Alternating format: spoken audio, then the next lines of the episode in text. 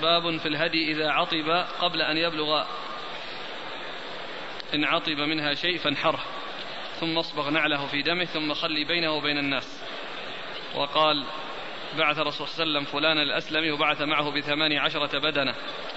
قال أرأيت أن أزحف علي منها شيء؟ قال تنحرها ثم تصبغ نعلها في دمها. ثم اضرب اضربها على صفحتها ولا تأكل منها أنت ولا أحد من أصحابك.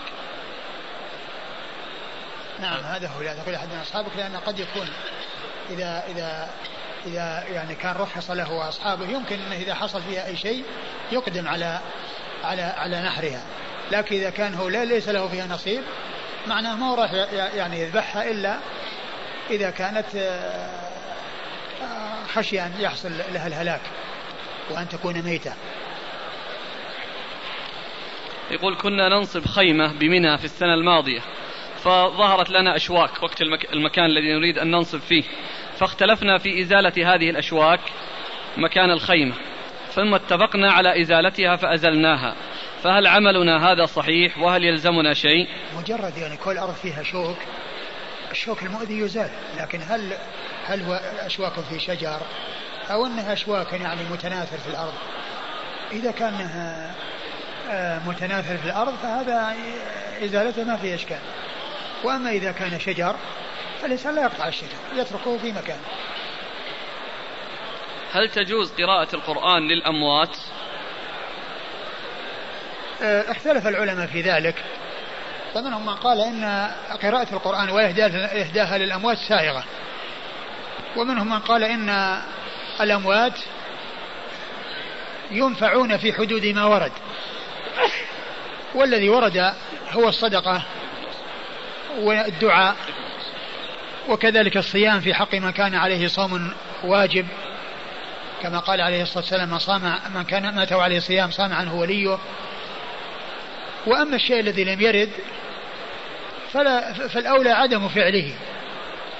ومن أراد أن ينفع موتاه فلينفعهم في الشيء الذي قد ورد عن النبي صلى الله عليه وسلم لا سيما مثل الصدقة التي ينتفع فيها الفقراء والمساكين ويحصل ثوابها للأموات الذين أراد الإنسان أن يتصدق عنهم. قال أحد الأخوة إن قول بعض السلف إن الله عز وجل بائن هذه الكلمة بائن عن خلقه لفظة محدثة. فهل هذا صحيح؟ بائن من خلقه معناه أنه ليس حالا في المخلوقات. ليس حالا في المخلوقات؟ ولا المخلوقات حالة به هذا هو معناه. وهذا المعنى صحيح. أقول هذا المعنى صحيح. بائن من خلقه يعني ليس حالا في المخلوقات ولا المخلوقات حالة به. فهذا كلام يوضح المعنى وإضافته إلى الله عز وجل من باب الإخبار. لا ليس من باب الصفات يقال من صفاته كذا. وإنما يخبر عنه بأنه ليس حالا في المخلوقات وإنما هو بائن. وإنما هو بائن من خلقه. يعني ليس حالا في المخلوقات ولا المخلوقات حالة به. فهذه العبارة عبارة صحيحة ومعناها صحيح وليس صفة من صفات الله وإنما هي إخبار عن الله بأنه ليس حالا في المخلوقات. هي تعادل ليس حالا في المخلوقات. في الصلوات المكتوبة المكتوبة. هل ينوي ويسمي الوقت ويقول مقتديا بهذا الإمام؟ أبدا. لا يقول شيئا من ذلك. ولا يتلفظ بالنية والتلفظ بالنية بدعة. وإنما ينوي بقلبه أنه يصلي الصلاة التي جاء من أجلها. فالإنسان عندما يسمع الأذان لصلاة العصر مثلا والمؤذن يقول حي على الصلاة يعني تعالوا لصلاة العصر. يتوضأ بيروح يصلي العصر. دخل المسجد ليصلي العصر. قامت الصلاة يعني صلاة العصر. نوى بقلبه أنه يصلي هذه الصلاة المكتوبة في هذا الوقت اللي هي العصر. لكن ما يقول نويت أن أصلي العصر أربعا مقتديا بهذا الإمام الله أكبر. هذا من الأمور المحدثة. نعم. حججت قبل عامين وعند رمي لجمرة العقبة يوم النحر. كان الزحام شديد ولم أتمكن من رؤية سقوط الحجر في المرمى وذلك لبعد المسافة وشدة الزحام. فسألت أحد طلبة العلم فقال لي أعد الرمي وكان ذلك في اليوم الثاني عشر. فأعدت رمي جمرة العقبة بعد رمي ذلك اليوم. وكنت متعجلا فانصرفت إلى مكة. هل فعلي صحيح؟ أعد أعد متى؟ الثاني عشر. أيوة. بعد ما رمى رمي الثاني عشر أعاد رمي جمرة العقبة يوم النحر وانصرف إلى مكة. يعني لما بلغ بأنه غير صحيح؟ نعم. يصح ذلك إن شاء الله. ولكن إذا كان أنه رمى ويغلب على ظنه الوقوع في المرمى فإنه يكفيه. وإذا كان يغلب على ظنه عدم الوقوع وإنما الوقوع على رؤوس الناس هذا هو الذي يلزمه الإعادة. لكن رمي الحادي عشر يعني ما يلزم الترتيب؟ كونه الآن رمى الثاني عشر ثم رجع إلى هو الآن هو رمى في الحادي عشر ورمى في الثاني عشر. نعم نعم. وبعد ذلك تذكر أو ذكر بهذا الشيء الذي كان يقضيه فقضاه. لأن هذاك أداه. أقول ذاك أداه في وقته. بقي عليه هذا الشيء الذي الشيء الذي آه، فعله. يعني فعله قضاء. يعني ما يلزم أنه يرجع ويرمي عن اليوم الحادي عشر وعن الثاني عشر. بعض الناس يأخذ من ماء زمزم إلى بلده مثل الإنسان مثل الإنسان لو أن إنسان يعني نسي صلاة من الصلوات وبعد خمسة أيام تذكر تذكرها يقضيها فقط ولا يقضي الذي وراءه. بعض الناس يأخذ من ماء زمزم إلى بلده للبركة ويخلط فيه ماء الماء العادي ويسقي الناس الذين يزورونه. فهل هذا يعتبر غش. والله ما هذا مو طيب. الإنسان يأخذ من ماء زمزم ويسقي الناس ماء زمزم. ما هو بيروح يأخذ له قطرة من ماء زمزم ويضيف إليها يعني آه، أضعافها. هذا ما يقال له ماء زمزم. وقد يكون الغالب هو ذلك الماء الذي هو ليس ماء زمزم. فيكون ماء زمزم يعني آه، مغمور. يعني آه، ليس له أثر. فالكلام هو هذا الماء للإنسان يعني أن يصطحبه إلى بلده وللإنسان أن يتزود به وأن يهديه على غيره ولكنه هو نفس الماء لا يضيف إليه شيئا. لا يضيف إليه شيئا. ولا يلزم أنه يسكي, يسكي الكثير من الناس إذا كان ما يستطيع. يسكي بعضهم. ولا يلزم أنه يعطي الواحد حتى يروى. يعطي شيء قليل. هو يتعذر يقول إنه لا يسمح لي في الطيران أن أحمل على أكثر من على كل على كل يحمل الشيء الذي يستطيعه ويسقي ماء زمزم نفسه ولا يخلطه بغيره. إذا حصر الإنسان هل يجب عليه أن ينحر هديه في المكان الذي أحصر فيه؟ وكيف يفعل إذ لم يكن معه هدي؟ الإنسان الذي هو يعني يجب عليه هدي ولا يستطيعه يصوم عشرة أيام. يصوم عشرة أيام مكان الهدي. شخص مات شابا وقد كان قادرا على الحج أثناء حياته وأعطاني أهله مبلغا من المال لأحج عنه فهل يسقط عنه الفرض؟ وهل له أجر الحجة وهل لي أنا أيضا أجر الحج؟ وأيهما أفضل أن أحج عنه بهذا المال أم يتصدق عنه صدقة جارية؟ إذا كان الإنسان عنده مال ولم يحج فإن الحج أو نفقة الحج واجبة في ماله ومقدمة على الميراث. ومقدمة على الميراث لأن هذا دين يحج عنه من ماله. وإن لم يكن له مال وتصدق عنه وحجج عنه فهذا شيء طيب لا بأس بذلك. والإنسان الذي حج عن غيره بالمال إذا كان حج من أجل أخذ من أجل أن يحج لأنه ليس عنده مال ولكن يحب أن يحج ولو عن طريق عن طريق النيابة من أجل أن يذهب إلى مكة ويطوف بالبيت ويقف المشاعر ويدعو الله عز وجل في تلك الأماكن فيحج يتخذ المال وسيلة إلى الحج فهذا شيء محمود. وإن كان قادرا على المال وعنده المال فالذي ينبغي له أن يحج بماله ولا يحج بمال غيره. لكن من كان ليس قادرا ولكنه يريد أن يشهد الموسم وأن يحج مع الناس. ولو كان ذلك عن طريق النيابة فهذا أخذ للحج. بأن يكون حج ليأخذ. الأخذ غاية والحج وسيلة. الحج وسيلة والأخذ غاية. هذا يكون مذموما لأنه حج من أجل الدنيا. والباعث له على الحج الدنيا. فأحدهما محمود وهو من أخذ ليحج والثاني مذموم وهو من حج ليأخذ. العم يسأل يقول هل يجوز أن أحج أو أن أعتمر؟ وأهب ثواب حجتي أو عمرتي لوالدي أو لأحد أقاربي؟ الإنسان له أن يحج عن غيره. ما هو بيهب الثواب؟ يحج عن نفسه ويهب الثواب. وإنما ينوي من الميقات أن الحج لفلان أمه أو أبوه. فيكون الحج له وهو مأجور على كونه يحسن إلى غيره. ولكن كونه يحج ينوي الحج عن نفسه ثم ينوي عن غيره لا. ثم يهب الثواب لغيره لا. وإنما عليه إذا أراد أن يحج عن غيره ينوي من الميقات بأن العمرة لأمه أو لأبيه أو لفلان من فلان. فتكون له بهذه النية. هل صحيح أن الحجر مدفون فيه إسماعيل وأمه هاجر؟ أبدا ليس بصحيح لأن الحجر لأن لأن الحجر هو من البيت.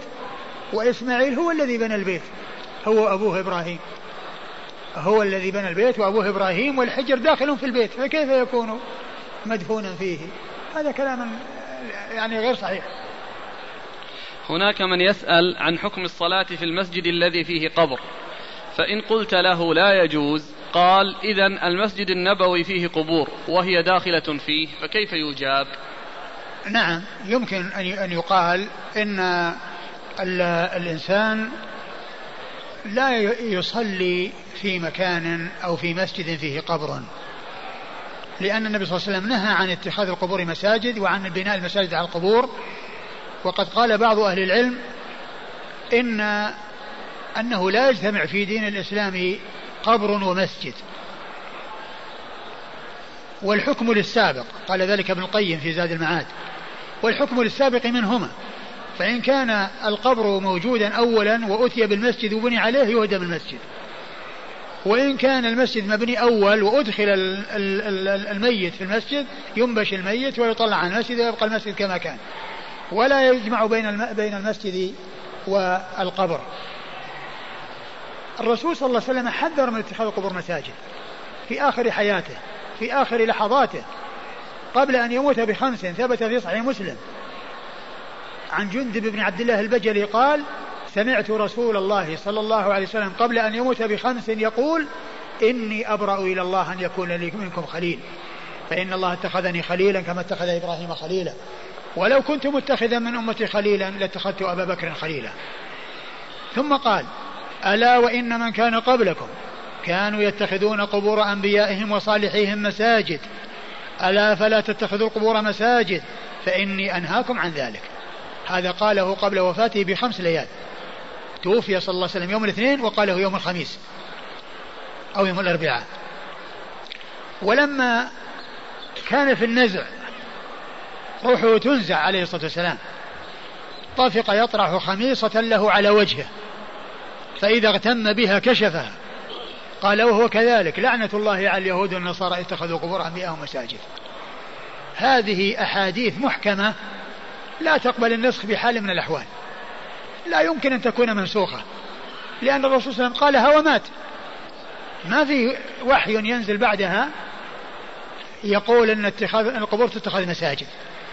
بل هذا من آخر ما قاله صلى الله عليه وسلم في أواخر أيامه وأواخر لحظاته صلى الله عليه وسلم. فدل على أنه حكم محكم لا يقبل النسخ بحال من الأحوال. لا يقبل النسخ لأن المحكم هو الذي يعني آه، غير منسوخ. يعني معناه حكم ثابت مستقر لا يقبل النص بحال من الأحوال. هذا هو شأن هذه الأحاديث التي تتعلق باتخاذ قبور مساجد. الرسول صلى الله عليه وسلم إذا يعني إذا كل المساجد التي بنيت على القبور أو دفن الموتى فيها لا يجوز اتخاذها مكانا للصلاة. نأتي إلى مسجد الرسول صلى الله عليه وسلم. هل الرسول صلى الله عليه وسلم دفن في المسجد؟ هل مسجد الرسول بني على قبر؟ نعم كان فيه قبور مشركين ولكنها نبشت وأخرجت. والمسجد متميز وله بيوت متميزة في شرق المسجد. والرسول صلى الله عليه وسلم لما توفي الصحابة رضي الله عنهم وأرضاهم تشاوروا ماذا يصنعون؟ أين يدفنونه صلى الله عليه وسلم؟ فروى بعضهم أن النبي عليه الصلاة والسلام قال إن الأنبياء يدفنون حيث يموتون. المكان اللي يموت فيه النبي يدفن فيه. ولما كان النبي صلى الله, عليه وسلم مات في حجرة عائشة دفن في حجرة عائشة. وكانت تلك الحجرة خارج المسجد. وكانت تحيض أم المؤمنين فيها ويجامع أهله فيها فهي ليست في المسجد. المسجد مستقل والبيوت مستقلة عن المسجد. فليس هناك مسجد بني على قبر قبر مسجد بني على قبر في يعني هذا المسجد ولم يكن النبي صلى الله عليه وسلم دفن في المسجد وإنما دفن في بيته. مكث أو بقي الأمر على ذلك يعني على هذا الوضع. الحجرات خارج المسجد في عهد الخلفاء الراشدين وفي عهد معاوية بن أبي سفيان رضي الله عنه وكذلك يعني في زمن أو في فترة أيضا من خلافة بني أمية ثم إنه وسع المسجد وأدخل القبر في المسجد. فالحكم ثابت للمسجد أي الصلاة فيه وأنه الصلاة فيه ألف صلاة دخل القبر ولا ما دخل؟ فلا يجوز أن تترك الأحاديث المحكمة التي لا تقبل النسخ في حال من الأحوال بعمل حصل من بني أمية بعد زمن الصحابة رضي الله عنهم وأرضاهم وبعد زمن الخلفاء الراشدين وزمن معاوية رضي الله عنه الذين هم أصحاب الرسول صلى الله عليه وسلم. ثم أدخل القبر في آه، آه، في المسجد. لا يجوز أن يتخذ هذا العمل حجة في مقابل الأحاديث المحكمة. وإنما المعول عليه الأحاديث المحكمة. وأما هذا المسجد فالصلاة فيه ألف ألف صلاة سواء أدخل القبر ولا ما دخل. سواء أدخل فيه القبر ولا ما دخل. فهذا هو الجواب عن هذه الشبهة التي يتشبث بها بعض الناس. الناس عليهم أن يعلموا أن أن النبي صلى الله عليه وسلم ما دفن في المسجد وأن المسجد مستقل وإنما دفن في بيته. وبعد ذلك أدخل القبر في جملة المسجد. فالمعول عليه ليس فعل بني أمية وإنما المعول عليه الأحاديث المحكمة التي قالها النبي صلى الله عليه وسلم في آخر حياته والتي لا تقبل النسخ بحال من الأحوال. ما هو القول الراجح في أهل الفترة؟ وما صحة حديث أبي وأبوك في النار؟ أهل الفترة الذين ما بلغتهم الرسالة الذين لم تبلغهم الرسالات هؤلاء أمرهم إلى الله عز وجل. ويمتحنون يوم القيامة. ونتيجة الامتحان هي التي تكون النهاية مبنية عليها إما سعيد وإما شقوي شقي في ذلك الامتحان الذي يكون يوم القيامة. وقد ذكر العلماء الكلام على هذا في تفسير قول الله عز وجل وما كنا معذبين حتى نبعث رسولا وأما الذين بلغتهم الرسالة وعندهم علم عن أخبار الرسل ولم يكونوا على منهاجهم وعلى منوالهم فإن هؤلاء وقد عبدوا الأصنام فإن هؤلاء كفار والنبي صلى الله عليه وسلم قال عن أبيه إنه في النار وذلك في الحديث الذي في صحيح مسلم. لما جاءه رجل قال أين أبي؟ قال أبوك في النار. فرأى أنه تغير وتأثر فقال إن أبي وأباك في النار. والحديث في صحيح مسلم. وكذلك أمه ماتت كافرة والرسول صلى الله, صلى الله عليه وسلم استأذن أن يستغفر لها فلم يؤذن له. ثم استأذن أن يزورها فأذن له. وزيارة الكفار جائزة ليس للدعاء لهم بل لتذكر الآخرة وتذكر الموت. فالرسول صلى الله عليه وسلم استأذن يستغفر لأمه فلم يؤذن له. فدل على أنها كافرة وماتت كافرة. فأبوه مات كافرا وجده مات كافرا اللي هو عبد المطلب. ولهذا أبو طالب لما لما عرض عليه النبي صلى الله عليه وسلم وهو في مرض موته الشهادة شهادة الشهادة لله بالوحدانية قال يا عم قل لا إله إلا الله كلمة أحاج لك بها عند الله وكان عنده رجلان كافران. أحدهما أسلم والثاني مات كافرا فقال له أترغب عن ملة عبد المطلب؟ فكان آخر ما قال هو على ملة عبد المطلب. ومات معلنا أنه على ملة عبد المطلب فمات كافرا. نعم. هل من أخر الطواف الذي هو ركن في الحج طواف الإفاضة إلى اليوم الخامس والعشرين أو إلى شهر محرم لضرورة أو من غير ضرورة؟ هل يصح حجه؟ الحج يصح لكن لا يصلح أن يؤخر الحج أن يؤخر الطواف. وهو ركن من أركان الحج لأن الإنسان لا يدري ما يعرض له. وهو ركن لا يتم الحج إلا به. فليس للإنسان أن يؤخره. وأما إذا كان هناك ضرورة أو, أو مرض أو ما إلى ذلك أو أنه في المستشفى أو أنه يعني آآ آآ وأتي به بعد ذلك وطاف محمولا أو ماشيا فإنه لا بأس به. وعلى كل الطواف يصح منه. يعني إذا حصل في أي وقت لأنه ليس له وقت مخصص ولكن المبادرة إليه مطلوبة. ولا ينبغي للإنسان أن يؤخره لأنه إذا أخره أخر ركنا من أركان الحج وقد يعرضه له عارض فلا يكون قد حج. هل صحيح أن مكة أفضل البقاع ما عدا القطعة التي دفن فيها النبي صلى الله عليه وسلم؟ ما جاء شيء عن الرسول صلى الله عليه وسلم في هذا. لم يأتي عن النبي عليه الصلاة والسلام شيء يدل على هذا. وإنما جاء على أن مكة هي أفضل البقاع. الرسول صلى الله عليه وسلم لما أخرج من مكة قال أما إنك أحب بلاد الله إلى الله. ولولا أني أخرجت منك لما خرجت. أما إنك أحب البلاد إلى الله. فهذا يدل على أن مكة هي أحب البلاد إلى الله وأنها خير البقاع وأفضل البقاع. ولهذا الصلاة هناك بمئة ألف صلاة. والصلاة في مسجد النبي صلى الله عليه وسلم بألف صلاة. والصلاة في مسجد النبي عليه الصلاة والسلام بألف صلاة. والحديث الذي يذكر في تفضيل المدينة على مكة وهو أن النبي عليه الصلاة والسلام قال آآ آآ آآ اللهم لما لما هاجر من مكة إلى المدينة قال اللهم إنك أخرجتني من أحب البقاع إلي فأسكني أحب البقاع إليك. فأسكني أحب البقاع إليك. قالوا إذا هذا يدل على أن المدينة أفضل من مكة لأنها الرسول قال أحب البقاع إلى الله. أولا هذا يخالف الحديث الصحيح الذي سبق أن عرفنا إنك أحب بلاد الله إلى الله. فإذا مكة هي أحب البلاد إلى الله ليست المدينة. وهذا الحديث موضوع مكذوب على رسول الله صلى الله عليه وسلم. وأيضا من حيث المعنى هو فاسد.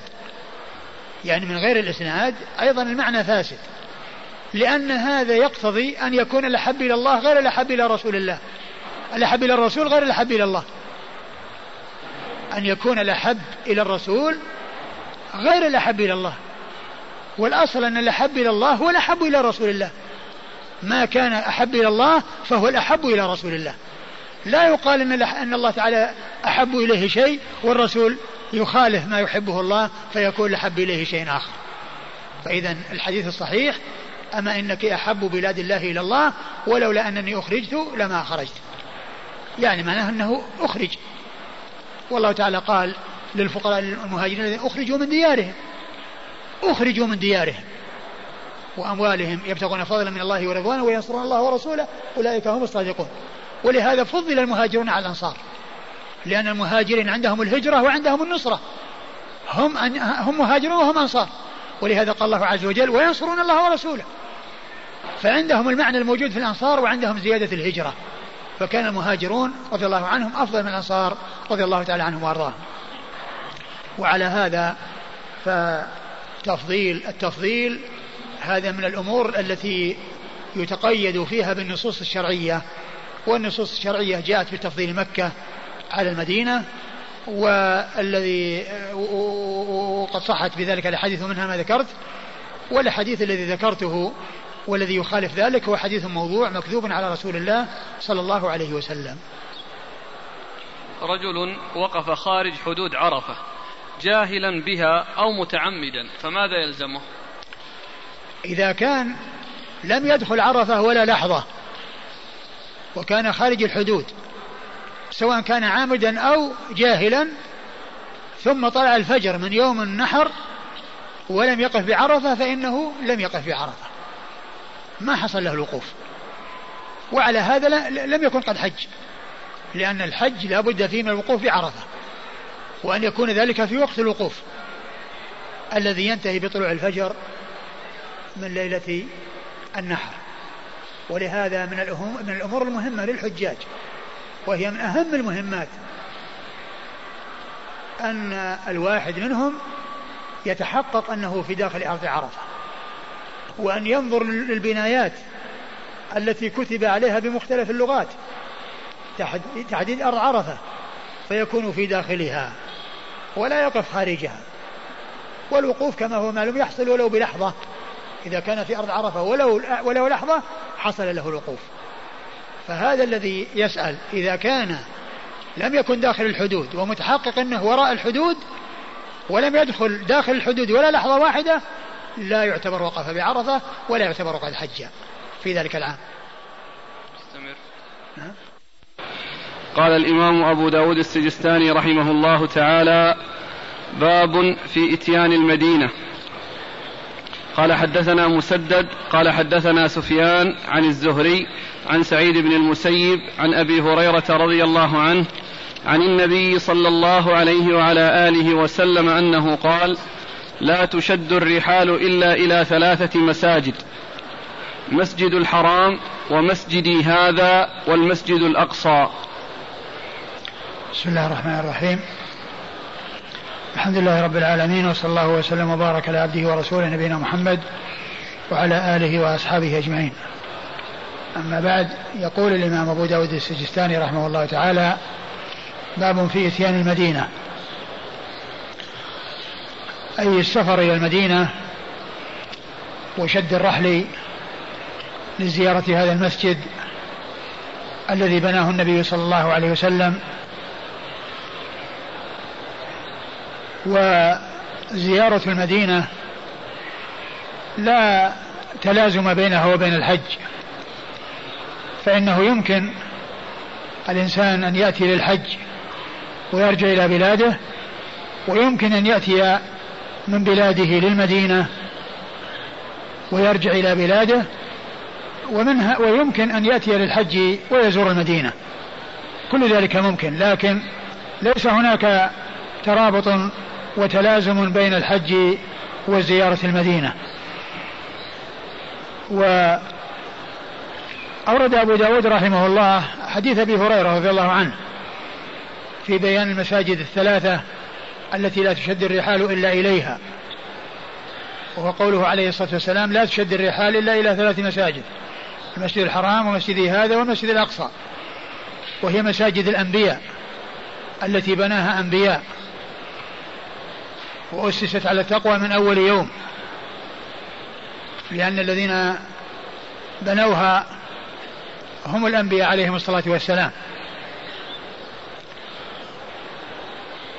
وحديث أبي هريرة هذا يدل على أن السفر إلى بقعة من البقاع من أجل التقرب إلى الله عز وجل في هذه البقعة وقصدها بالسفر إنما يكون لهذه المساجد الثلاثة. إنما يكون لهذه المساجد الثلاثة المسجد الحرام والمسجد النبوي والمسجد الأقصى التي هي مساجد الأنبياء. فالسفر إنما يكون لها. وقد قال بعض أهل العلم إن الأمر ليس مقصورا على السفر لمسجد من المساجد أي المستثنى منه. ليس المساجد أو خصوص المساجد أي لا تشد الرحال إلى مساجد إلا إلا لثلاثة منها. وإنما المقصود منه البقع والأراضي لا تشد الرحال إلا إليها إلى هذه المساجد الثلاثة. فلا يذهب الإنسان إلى بقعة ولو لم يكن من أجل مسجد ليتقرب إلى الله عز وجل في هذه البقعة. ولو لم يكن ذلك مسجد فإن ذلك غير سائغ ولهذا استدل به الصحابة رضي الله عنهم وأرضاهم بعموم هذا الحديث على عدم السفر لأي بقعة من البقاع من أجل التقرب إلى الله عز وجل فيها. وذلك في نفس الحديث هذا عند النسائي أن أبا هريرة رضي الله عنه ذهب إلى الطور. ولما رجع لقيه بصرة بن أبي بصرة رضي الله عنه فقال له من أين جئت؟ قال جئت من الطور. قال لو علمت لم تسافر أو لم تأته قال ولم؟ قال لأن النبي صلى الله عليه وسلم قال لا تشد الرحال إلا إلى ثلاث مساجد. المسجد الحرام ومسجد هذا ومسجد الأقصى. فدل هذا على أن المقصود بذلك العموم. وليس المقصود بخصوص المساجد وأن المستثنى مساجد من مساجد ثلاثة مساجد من عموم مساجد وإنما هو من عموم البقع وعموم الأراضي لأن هذا الحديث استدل به بصرة بن أبي بصرة رضي الله عنه على أبي هريرة في في فيما يتعلق بالذهاب إلى الطور. فيما يتعلق بالذهاب إلى الطور. وقال لو علمت قبل أن تذهب لم تذهب لم, لم, لم تذهب. قال ولما قال لأن النبي عليه الصلاة والسلام قال لا تشد رحال إلا إلى هذه مساجد. والحديث أورده النسائي من حديث أبي هريرة عن بصرة بن أبي بصرة رضي الله عنه وذلك في حديث طويل بسند صحيح عند النسائي برقم 1429 1429 هذا هو الحديث أو هذا هو رقم الحديث عند النسائي الذي فيه ذكر الطور و آه، استدلال أبي بصرة بن أبي بصرة على أبي هريرة بعدم الذهاب إلى الطور بهذا الحديث الذي هو لا شد الرحال إلا إلى ثلاث مساجد المسجد الحرام. ومسجد هذا والمسجد الأقصى.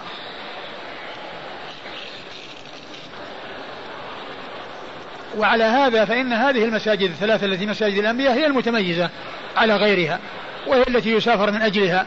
أما غيرها فإنه لا يسافر من أجله ولا شد الرحال من أجله أي من أجل البقعة ومن أجل التقرب إلى الله عز وجل في البقعة لأنها بقعة مقدسة أو مفضلة أو لها ميزة لم يأتي شيء يدل على خلاف ما دل عليه هذا الحديث الذي هو قصر السفر من أجل آآ آآ على هذه المساجد الثلاثة التي هي مساجد الأنبياء. نعم. قال حدثنا مسدد. مسدد بن مسرهد البصري ثقة أخرج حديث البخاري وأبو داود والترمذي والنسائي. عن سفيان. عن سفيان وهو ابن عيينة المكي ثقة أخرج له أصحاب كتب الستة. عن الزهري. عن الزهري محمد بن مسلم بن عبيد الله بن شهاب الزهري. ثقة أخرج له أصحاب كتب الستة. عن سعيد بن المسيب. عن سعيد بن المسيب وهو ثقة من فقهاء المدينة السبعة في عصر التابعين. أخرج له أصحاب الكتب الستة. عن أبي هريرة عن أبي هريرة عبد الرحمن بن صخر الدوسي رضي الله عنه صاحب رسول الله صلى الله عليه وسلم وهو أكثر الصحابة حديثا على الإطلاق. الأخ يسأل هنا جاء مسجد مسجد الحرام ومسجدي ثم قال والمسجد الأقصى. فلم يحل بأل المسجد الحرام. هو المسجد الحرام. أقول هو المعروف في الأحاديث المسجد الحرام. المسجد الحرام. ويمكن أن يأتي يعني آه، آه، آه، يقال المسجد الحرام. يعني ولكن الذي ورد في, في الروايات في الصحيحين وفي غيره المسجد الحرام. المسجد الحرام. قال رحمه الله تعالى باب في تحريم المدينة. قال حدثنا محمد بن كثير قال أخبرنا سفيان عن الأعمش عن إبراهيم التيمي عن أبيه عن علي رضي الله عنه أنه قال ما كتبنا عن رسول الله صلى الله عليه وعلى آله وسلم إلا القرآن وما في هذه الصحيفة. قال قال رسول الله صلى الله عليه وآله وسلم المدينة حرام ما بين عائر إلى ثور. فمن أحدث حدثا أو آوى محدثا فعليه لعنة الله والملائكة والناس أجمعين. لا يقبل منه عدل ولا صرف. وذمة المسلمين واحدة يسعى بها أدناهم. فمن أخفر مسلما فعليه لعنة الله والملائكة والناس أجمعين. لا يقبل منه عدل ولا صرف. ومن والى قوما بغير إذن مواليه فعليه لعنة الله والملائكة والناس أجمعين لا يقبل منه عدل ولا صرف. ثم أورد أبو داود رحمه الله باب تحريم المدينة. المدينة حرم كما أن المدينة حرم ولا يوجد في الأرض أماكن محرمة هي توصف بهذا الوصف لا يصاد صيدها ولا يقطع شجرها إلا مكة والمدينة. وإبراهيم حرم مكة والنبي صلى الله عليه وسلم حرم المدينة. والمقصود من ذلك إظهار الحرمة. فإن إبراهيم أظهر حرمتها والتحريم إنما هو من الله والنبي صلى الله عليه وسلم إنما أظهر حرمة المدينة والتحريم من الله. الذي حرمه هو الله عز وجل ولكن إضافة التحريم إلى إبراهيم لأنه الذي أظهر الحرمة. وإضافة التحريم إلى النبي صلى الله عليه وسلم للمدينة لأنه هو الذي أظهر حرمتها وهو الذي أوحى الله إليه بحرمتها. فإذا المدينة مكة والمدينة هما الحرمان. وليس هناك أماكن أخرى. وما شاع على ألسنة بعض الناس من إطلاق المسجد الأقصى بأنه قال ثالث الحرمين. لا يستقيم. إطلاق غير صحيح. لأن الحرمين ليس لهما ثالث. وال و و ومكة حرم والمدينة حرم. ومن جملة مكة المسجد المحيط بالكعبة ومن جملة المدينة المسجد مسجد النبي صلى الله عليه وسلم. لكن المدينة كلها حرم. ومكة كلها حرم. وليس هناك أماكن أخرى يقال لها حرم إلا هذان الموضعان أو البلدان مكة والمدينة. فإنهما حرام وهما حرم. وقول بعض الناس ثالث الحرمين لا يصلح ولا يستقيم وإنما يقال ثالث المسجدين. ثالث المسجدين نعم. ثالث المسجدين المقدسة هي المساجد المقدسة الثلاثة التي هي مساجد الأنبياء هو ثالثها. هو ثالثها. أما كون ثالث الحرمين فهذا لا يستقيم لأنه ليس هناك حرم ثالث وإنما الحرم حرمان هما مكة والمدينة. وتحريم المدينة وتحريم مكة أنه لا يقطع الشجر ولا يصاد الصيد. ومن دخل ومن دخلها يكون آمنا. ومن دخلها يكون آمنا لأنه في حرم. أورد أبو داود حديث آه علي. نعم. حديث أمير المؤمنين علي بن أبي طالب رضي الله عنه. قال ما كتبنا عن رسول الله صلى الله عليه وسلم شيئا إلا القرآن وإلا ما في هذه الصحيفة. والصحيفة فيها أو من جملة ما فيها المدينة حرم من عائر إلى ثور من أحدث فيها حدثا أو محدثا فعليه لعنة الله والملائكة والناس أجمعين وذمة المسلمين واحدة يسعى بها أدناهم فمن أخفر مسلما فعليه لعنة الله والملائكة والناس أجمعين. لا يقبل منه صرف ولا عدل. و ومن والى قوما ومن والى قوما بغير إذن مواليه بغير إذن مواليه مواليه فعليه لعنة الله نعم. والملائكة والناس أجمعين. لا يقبل منه صرف ولا عدل. انتهى. نعم. هذا من جملة ما في هذه الصحيفة المكتوب. وهذا من الأدلة على كتابة العلم. وأن الصحابة رضي الله عنهم وأرضاهم كانوا يكتبون العلم. وهذا من جملة الأدلة الدالة على ذلك. كون علي رضي الله عنه عنده كتاب اشتمل على عدة مسائل من الحديث ومن العلم منها هذا الذي جاء في هذا الحديث. أي مما اشتملت عليه هذه الصحيفة هذا الذي جاء في هذا الحديث. والمقصود منه حرم المدينة وتحريم المدينة وأن المدينة حرم أو حرام من, من عائر إلى ثور. عائر هو عير وثور وهما جبلان يعني في المدينة عير في جنوبها وثور في شمالها في شمال, في شمال جبل أحد. هذه حدود المدينة أو هذا حد المدينة من جهة الجنوب والشمال. من الجنوب عير ومن الشمال ثور. وكونها حرم يعني لا يقطع شجرها ولا يصاد صيدها. لا يقطع شجرها ولا يصاد صيدها. ولهذا جاءت الأحاديث في النهي عن ذلك ومنها ما جاء عن أبي هريرة رضي الله عنه أنه قال لو رأيت الضباع ترتع في المدينة ما ذعرتها لأن النبي صلى الله عليه وسلم حرم ما بين لابتيها. حرم ما بين لابتيها. فلا يزعج الصيد ولا ينفر ولا ومن باب أولى يعني كونه لا يقتل وكذلك لا يقطع الشجر. أي الشجر الذي ينبته الناس الذي ينبته الله. الشجر الذي ينبته الله. وأما الشيء الذي ينبته الناس ويزرعه الناس فإنهم يحسدون زروعهم ويقطعون نباتهم. الذي ينبتونه ويحتاجون إليه.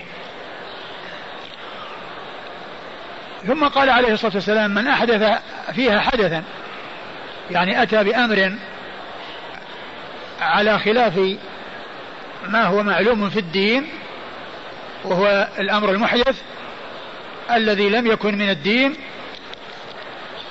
أو آوى محدثا يعني من أتى ببدع وأحدث في دين الله ما, ليس منه فإن من يكون كذلك سواء كان المحدث أو المؤوي للمحدث عليه لعنة الله والملائكة والناس أجمعين. عليه لعنة الله والملائكة والناس أجمعين. وهذا دعاء عليه وبيان خطورة هذا الأمر وأنه أمر فظيع وأمر خطير وأمر عظيم. ثم قال في الحديث وذمة المسلمين واحدة. يسعى بها أدناهم. يعني أن إذا حصل أمان وإعطاء الأمان لشخص من من المؤمنين لشخص من الكفار فإنه يمكن بأن يعطى الأمان. ولو كان ذلك الذي أعطاه من أدنى الناس كالعبد وكذلك النساء أيضا. يعني لهن أن يؤمن وقصة علي بن أبي طالب مع أم هاني في عام فتح مكة معروفة والتي جاءت أم هاني وقالت إن علي أنني أم أنني, أمنت فلانا وإنما وأن عليا قال كذا وكذا أنه يعني لا يتركه. فالنبي صلى الله عليه وسلم قال قد أجرنا من أجرت يا أم هانة قد أجرنا من أجرت يا أم هانة فذمة المسلمين واحدة يسعى بها أدناهم. ومن أخفر مسلما يعني بمعناه أنه آآ آه، آآ آه، نقض عهده أو آه، حصل منه نقض العهد وعدم تمكينه من الشيء الذي التزم به فعليه لعنة الله والملائكة والناس أجمعين لا يقبل منه صرف ولا عدل.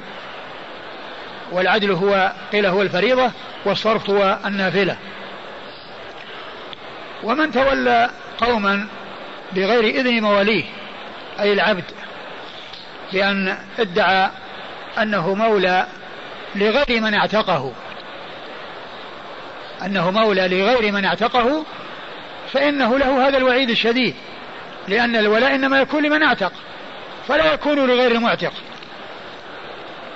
والولاء لا يتصرف فيه ببيع أو هبة أو ما إلى ذلك لأنه شيء ثابت وشيء لازم. فإذا حصل من عبد من العبيد أنه تولى غير مواليه وقوله بإذن بغير إذنهم هذا ليس له مفهوم لأن كونه يصير مولى بالإذن ليس ليس كذلك لأن الولاء لا يورث ولا لا يوهب ولا يباع. لا يباع ولا يوهب الولاء. لا يباع ولا يوهب وليس لهم أن يأذنوا بأن الولاء يكون لفلان. أو أن, أن, أن, أن الولاء ليس لهم. بل هذا شيء لهم. وهو كالنسب. لا يباع ولا يوهب وهو شيء ثابت مستقر لمن حصلت منه هذه النعمة. ولمن وجدت منه هذه النعمة التي هي نعمة العتق. فالموالاة بين العتيق والمعتق بين المنعم والمنعم عليه. المنعم الذي هو العتيق المعتق والمنعم الذي آه الذي هو العتيق. فهذا شيء ثابت ومستقر مثل ثبوت النسب واستقرار النسب. ولهذا يقولون ولا لحمة كلحمة النسب لا يباع ولا يورث ولا ولا لا يباع ولا يوهب وإنما الميراث يورث. نعم. قال قال في كلمة هنا يا شيخ قال علي رضي الله عنه ما كتبنا عن رسول الله صلى الله عليه وسلم إلا القرآن وما في هذه الصحيفة نعم هذه الصحيفة صحيفة فيها مجموعة من الأحاديث ومما فيها هذه هذه هذه الجمل التي جاءت في هذا الحديث وفيه غيرها. نعم. قال حدثنا محمد بن كثير محمد بن كثير العبدي ثقة أخرج له أصحاب كتب الستة. عن سفيان عن سفيان الثوري سفيان بن سعيد الثوري بن مسروق الثوري ثقة أخرجه أصحاب كتب الستة. عن الأعمش. عن الأعمش سليمان بن مهران الكاهل الكوفي ثقة أخرجه أصحاب كتب الستة. عن إبراهيم التيمي. عن إبراهيم بن يزيد التيمي وهو صدوق. ثقة. وهو ثقة أخرج له أصحاب الكتب. أصحاب الكتب الستة عن أبيه وهو يزيد بن يزيد بن شريك ويزيد بن شريك ثقة أخرج أصحاب الكتب. نعم نعم. وهو ثقة أخرج أصحاب الكتب الستة. عن علي. عن أمير المؤمنين علي بن أبي طالب رضي الله عنه وأرضاه وهو رابع الخلفاء الراشدين الهادين المهديين صاحب المناقب الجمة والفضائل الكثيرة رضي الله عنه وأرضاه وحديثه عند أصحاب الكتب الستة. الإخوان يريدون تحديد موضع ثور هو يقولون هو جبل صغير خلف أحد ويعرفه أهل المنطقة. يعرفه أهل المنطقة الذين هناك يعرفون يعني هذا الجبل وتحديده ومكانه. قريب من جبل ثور في عدة أجبلة صار يعني من من وراء الخط المزفلت هذا الذي يأتي من وراء أحد. من بعده بمسافة ما هي طويلة آه، عدة جبيلات من هذا الجبل. ضابط الإحداث فمن أحدث فيها حدثا. والله الذي يبدو أنه يعني آه، يأتي بأمر مبتدع في الدين آه، ليس له أساس في الدين. الذي قال عنه الرسول صلى الله عليه وسلم من أحدث في أمرنا ما ليس منه فهو رد. قال حدثنا ابن المثنى قال حدثنا عبد الصمد قال حدثنا همام قال حدثنا قتادة عن أبي حسان عن علي رضي الله عنه في هذه القصة عن النبي صلى الله عليه وآله وسلم أنه قال لا يختلى خلاها ولا ينفر صيدها ولا تلتقط لقطتها إلا لمن أشاد بها ولا يصلح لرجل أن يحمل فيها السلاح لقتال ولا يصلح أن يقطع منها شجرة إلا أن يعلف رجل بعيره. ثم ورد أبو داود حديث علي رضي الله عنه من طريق أخرى وفيه يعني من الزيادة قال لا يختلى خلاها يعني لا يقطع حشيشها ولا لا يختلى خلاها ولا ينفر صيدها. ولا ينفر صيدها يعني آه كونه يعني يزعج أو يعني آه يشار إليه بأنه يهرب يعني لا ينفر. مثل ما جاء عن أبي هريرة رضي الله عنه لو رأيت الظباء ترتع في المدينة ما ذعرتها لأن النبي صلى الله عليه وسلم حرم ما بين لابتيها. يعني معناه أنه يعني لا يتعرض له بإيذاء ولا بتنفير.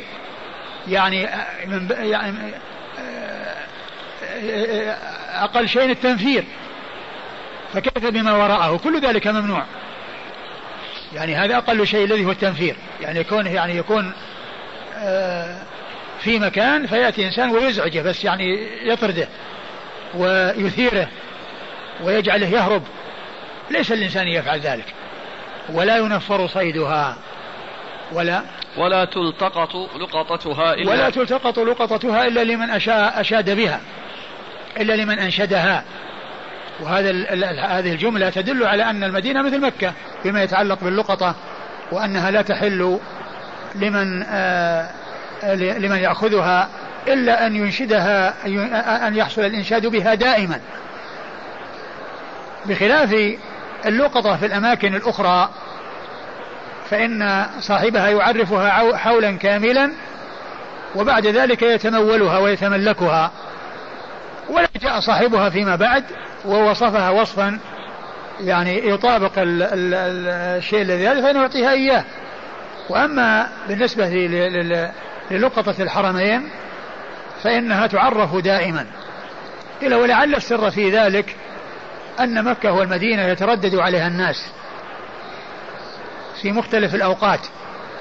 فقد يكون هذه اللقطة لشخص زار ثم فقدها ولكنه يرجع لها بعد سنة أو سنتين للمدينة.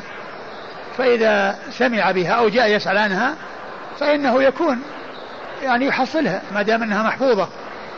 ما دام أنها محفوظة لأن الناس يترددون.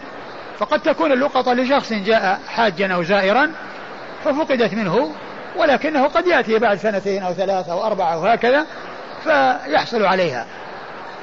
بخلاف الأماكن الأخرى فإنها لا يحصل لها هذا الذي يحصل لمكة والمدينة من تردد الناس عليهما من أجل الحج والزيارة. نعم. ولا يصلح لرجل أن يحمل فيها السلاح لقتال. ولا يح... يص... ولا يصلح لرجل يحمل فيها السلاح لقتال. لأن حمل السلاح للقتال يعني حيث لا يكون له مسوغ لا يجوز في أي مكان. وفي المدينة وفي مكة يعني من باب أولى. ولكن إذا احتيج إلى حمل السلاح لأمر يقتضي ذلك لا بأس بذلك. ولا يصلح أن أن يقطع منها شجرة إلا أن أن يعلف رجل بعيرة. ولا يصلح أن يقطع منها شجرة إلا أن يعلف رجل بعيرة. يعني كونه يأخذ شيئا لعلف البعير. ولكن لا يقطع الشجر ويقطع أصوله وإنما يأخذ من ورقه. يأخذ من ورقه ما يعلف به بعيره. وأما كونه يقطع الشجر فهذا لا يجوز لأن قطع الشجر قضاء على على على على على منافعه وعلى فوائده. ولكن يعني كونه يأخذ من الورق من ورق الشجر الذي ينبت مكانه والذي يظهر مكانه ما يعلف به بعيره هذا الذي جاء به الحديث عن رسول الله صلى الله عليه وسلم.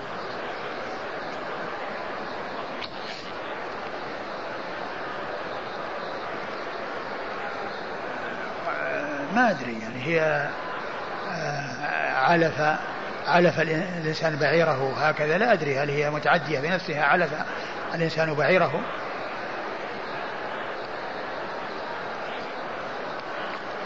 قال حدثنا ابن المثنى. انتهى إي نعم. حدثنا ابن المثنى محمد بن المثنى العنزي أبو موسى الملقب الزمن ثقة أخرجه أصحاب الكتب الستة. عن عبد الصمد. بل هو شيخ لأصحاب الكتب الستة. عن عبد الصمد ابن عبد الوارث وهو ثقة أخرجه أصحاب الكتب الستة. صدوق. صدوق أخرجه أصحاب الكتب الستة. عن همام.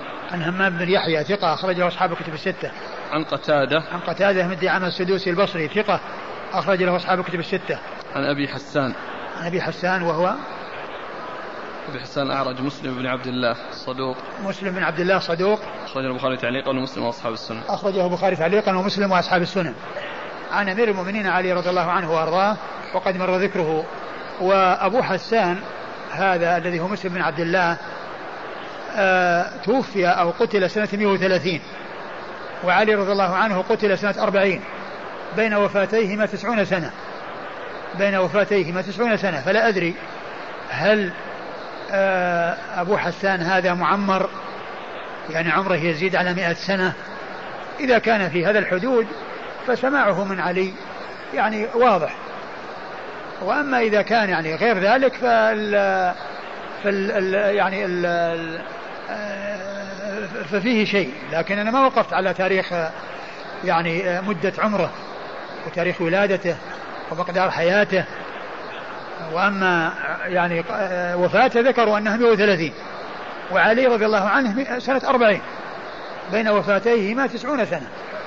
فإذا كان عمره 100 أو قريب من المئة أو فوق المئة يكون الرواية ممكنة والإدراك ممكن ولكنهم آه، العلماء ذكروا الحديث هذا وصححوه ومعنى هذا يعني إنها يعني كأنه والله أعلم معمر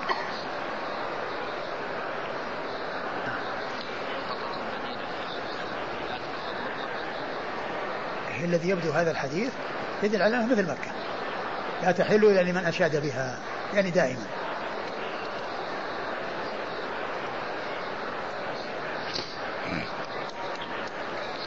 قال حدثنا محمد بن العلاء أن زيد بن الحباب حدثهم. قال حدثنا سليمان بن كنانة مولى عثمان بن عفان.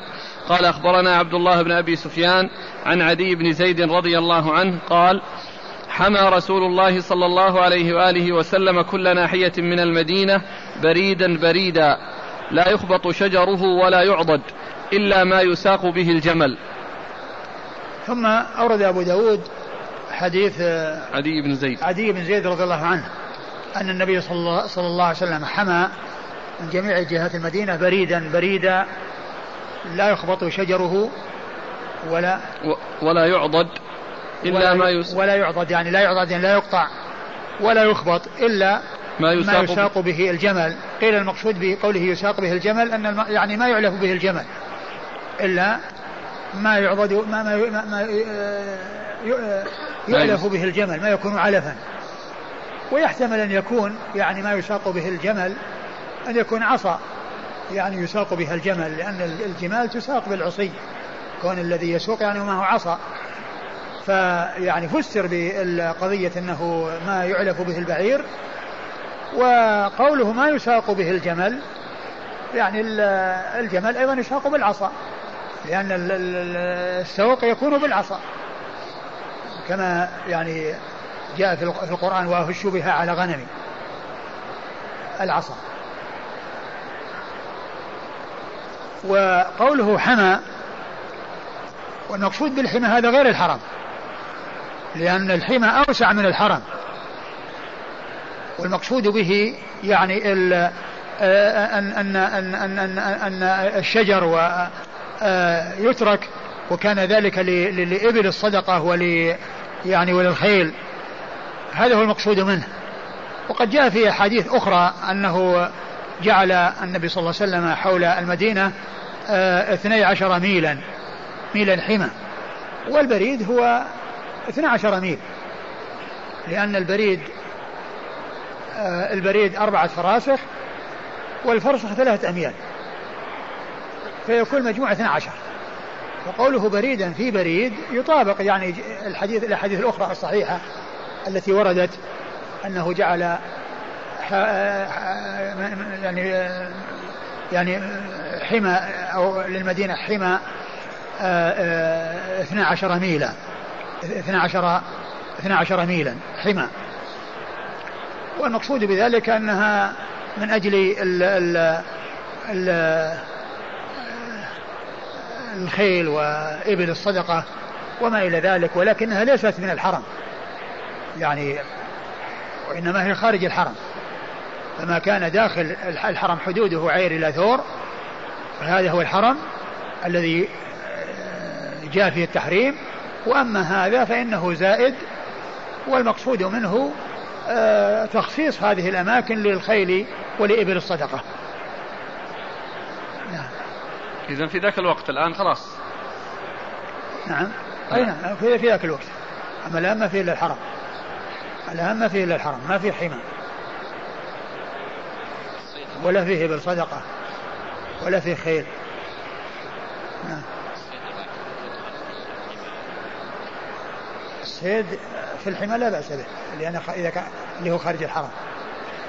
لأن المقصود يعني كونه يترك من أجل آه، إبل الصدقة ومن أجل الخيل حول المدينة.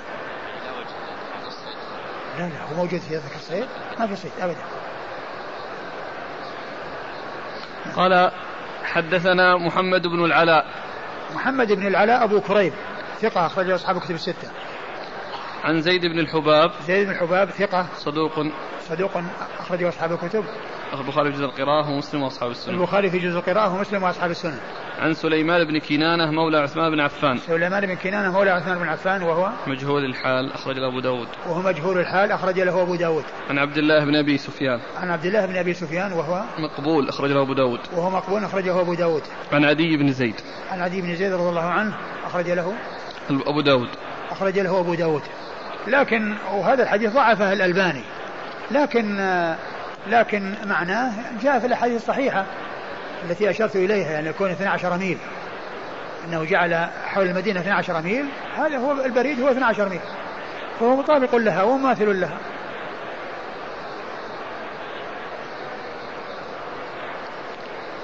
نعم. من ناحية العلف كذلك مكة يجوز في هذا الأمر يجوز القطع للعلف دون ما ما, ما أدري ما أعلم. أقول ما أعلم أنا شيء يدل على أن الإنسان يعني يقطع ليعلف قال حدثنا الحمى لا لا الحمى الآن يعني ما له وجود لأنه ما في إبل ولا هو كان من أجل إبل ومن أجل صدقة ومن أجل كذا ما له وجود. الان ها؟ إيه. اي نعم هو نعم. إيه ذكروه نعم لأن حماها من أجل كذا. وإلا ليست حرم الحرم هو من عير إلى ثور اما ذاك في بريد في بريد 12 فرسخ من جميع الجهات هذا شيء كثير. 12 ميل. بالكيلوات ممكن معرفتها يا شيخ؟ ها؟ الكيلو والله ما ما أعرف. بالتحديد بالضبط لا أدري.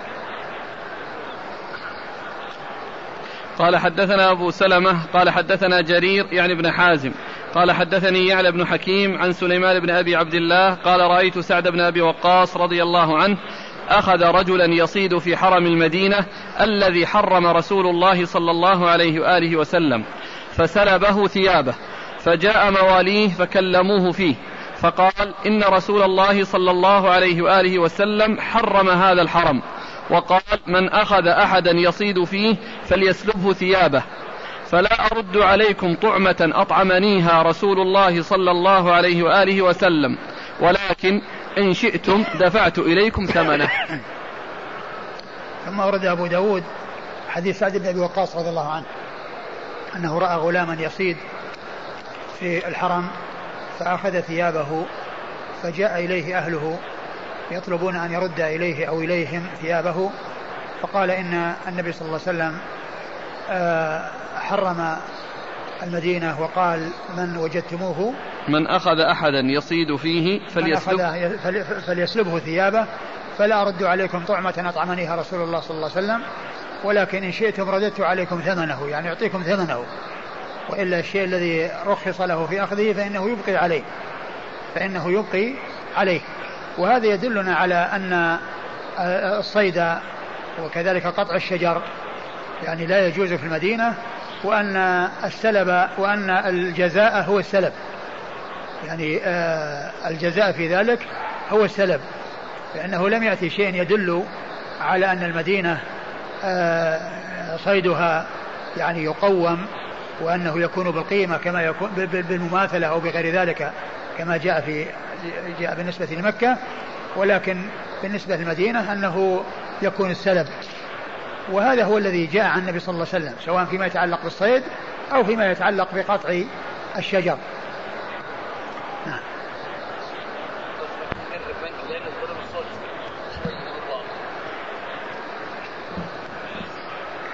نعم. قال حدثنا أبو سلمة. أبو سلمة التبوذكي موسى بن إسماعيل. موسى بن إسماعيل التبوذكي ثقة أخرج له أصحاب الكتب الستة. عن جرير يعني ابن جرير يعني ابن حازم وهو ثقة أخرجه أصحاب الكتب. نعم. أخرجه أصحاب الكتب الستة. عن يعلى بن حكيم. عن يعلى بن حكيم وهو ثقة أخرج له. أصحاب الكتب إلا الترمذي. أصحاب الكتب الستة إلا الترمذي. عن سليمان بن أبي عبد الله. سليمان بن أبي عبد الله وهو مقبول أخرج أبو داود. مقبول أخرج له. أبو داود. أبو داود. عن سعد بن أبي وقاص. عن سعد بن أبي وقاص رضي الله عنه صاحب رسول الله صلى الله عليه وسلم. وحديثه أخرجه أصحاب الكتب الستة. هذا لو عمل به الآن يا شيخ ممكن؟ يمكن. أقول يمكن. الحكم مستمر ودائم بس يعني ربما المفسدة إيش رأيك؟ نعم. يعني حصول المفسدة. على كل هو هو أقول هذا هو الحكم ولكن إذا كان يترتب على ذلك مفسدة ويحصل فيه يعني آه ضرر الإنسان لا, لا لا يقدم على هذا لكن هذا هو الحكم الشرعي. إذا كان انه يعني يبي يحصل هذا ياخذ ثيابه ثم يأخذ له حصاة يصير مضاربة. نعم. لا لكن الآن ممكن أن نأخذ منهم الآلة التي يصيدون بها يعني صغار السن يأخذون نفس الشيء. أقول نفس الشيء يعني قضية المضاربة والأشياء ذي لكن هذا هو الحكم الشرعي. إذا كان يعني جماعة يعني قادرين أو كذا يعني مجموعة وأخذوا يعني وذاك ما يستطيع يسوي شيء يعني يمكن. وأما إذا كان يترتب عليه مفسدة بأن ذاك يقدم على شيء يعني لا تعمد عقباه يعني يترك. نعم. لا لا هو نص الثياب نعم. نص على الثياب. قال حدثنا عثمان بن أبي شيبة قال حدثنا يزيد بن هارون قال أخبرنا ابن أبي ذئب عن صالح مولى التوأمة عن مولى لسعد عن أن سعدا رضي الله عنه وجد عبيدا من عبيد المدينة يقطعون من شجر المدينة فأخذ متاعهم وقال يعني لمواليهم سمعت رسول الله صلى الله عليه وآله وسلم ينهى أن يقطع من شجر المدينة شيء وقال من قطع منه شيئا فلمن أخذه سلبه ثم ورد أبو داود حديث سعد. سعد رضي الله عنه وفيه أن غلمانا كانوا يقطعون الشجر في المدينة فأخذ يعني متاعهم, متاعهم ولما جاء أولياؤهم يعني يطالبون قال إن النبي صلى الله عليه وسلم قال من أخذ شيئا فله سلبه. يعني من وجد أحدا يفعل هذا الفعل فله سلبه والسلب هو أخذ ثيابه كما سبق أن مر في الحديث. السابق قبل هذا. نعم. إذا هناك الصيد. وهنا القطع. إيه. نعم. قال حدثنا عثمان بن أبي شيبة. عثمان بن أبي شيبة ثقة أخرجه البخاري ومسلم وأبو داود والنسائي في عمل اليوم والليلة وابن ماجه. عن يزيد بن هارون. يزيد بن هارون الواسطي ثقة أخرجه أصحاب الكتب الستة. عن ابن أبي ذئب. عن ابن أبي ذئب هو محمد بن عبد الرحمن بن المغيرة بن أبي ذئب. ثقة أخرج له أصحاب الكتب الستة. عن صالح مولى التوأمة. عن صالح مولى التوأمة وهو صدوق اختلط. صدوق اختلط أخرج حديثه. أبو داود والترمذي وابن ماجه. أبو داود والترمذي وابن ماجه. عن مولى لسعد. عن مولى لسعد وهو ما ذكر؟ ما وجدته؟ ما وجدت في المبهمات ما ذكره. أي على كل هو جاء حديث يعني في يعني في صحيح مسلم من طريق ابنه عامر. عامر بن سعد يدل على ما دل عليه. نعم. عن سعد. عن سعد رضي الله عنه وقد مر ذكره. قال حدثنا محمد بن حفص أبو عبد الرحمن القطان قال حدثنا محمد بن خالد قال أخبرني خارجة بن الحارث الجهني قال أخبرني أبي عن جابر بن عبد الله رضي الله عنهما أن رسول الله صلى الله عليه وآله وسلم قال لا يخبط ولا يعضد حمى رسول الله صلى الله عليه وآله وسلم ولكن يهش هشا رفيقا.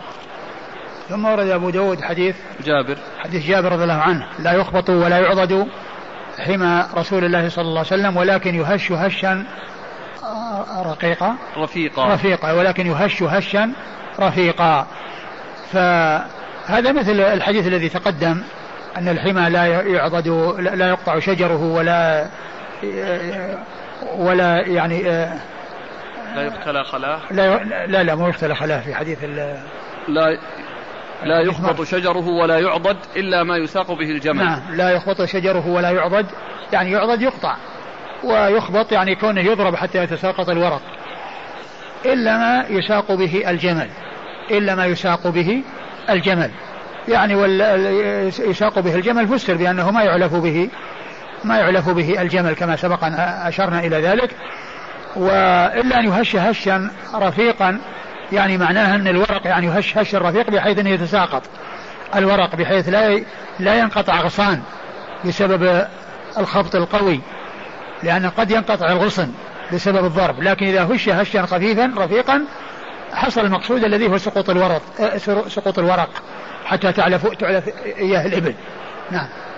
قال حدثنا محمد بن حفص أبو عبد الرحمن القطان. محمد بن حفص أبو عبد الرحمن القطان مقبول. مقبول أخرج له. أبو داود. أخرجه أبو داود. عن محمد بن خالد. عن محمد بن خالد وهو مستور أخرجه أبو داود. وهو مستور يعني بمعنى مجهول الحال أخرج له أبو داود. عن خارجة بن الحارث الجهني. عن خارجة بن الحارث الجهني وهو صدوق أخرج البخاري في الأدب المفرد وأبو داود. عن أبيه. عن أبيه وهو خارجة الحارث. وهو الحارث.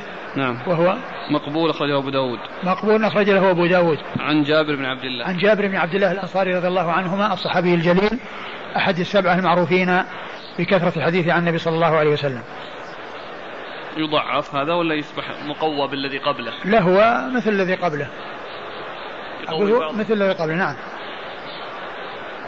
قال حدثنا مسدد قال حدثنا يحيى قال حاء وحدثنا عثمان بن أبي شيبة عن ابن نمير عن عبيد الله عن نافع عن ابن عمر رضي الله عنهما أن رسول الله صلى الله عليه وآله وسلم كان يأتي قباء ماشيا وراكبا. زاد ابن نمير ويصلي ركعتين.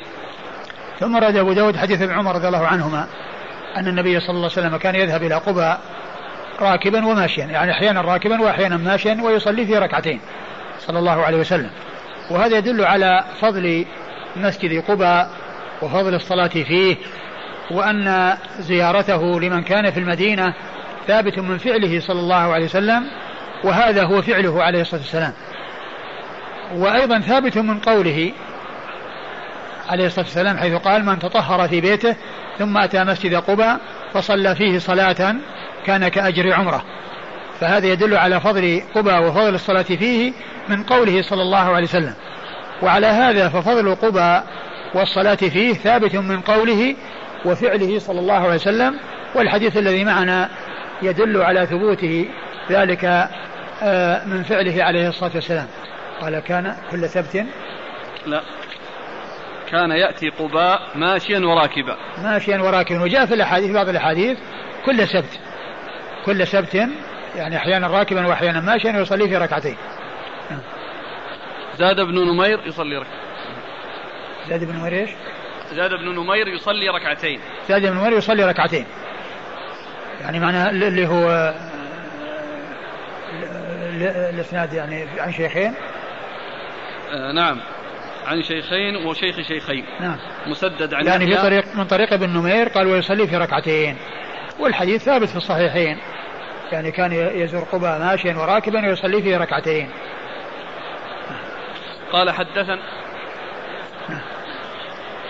إيش؟ لأنه يتعلق بحرم المدينة. لأنه يتعلق بحرم المدينة. وهو من حرم المدينة.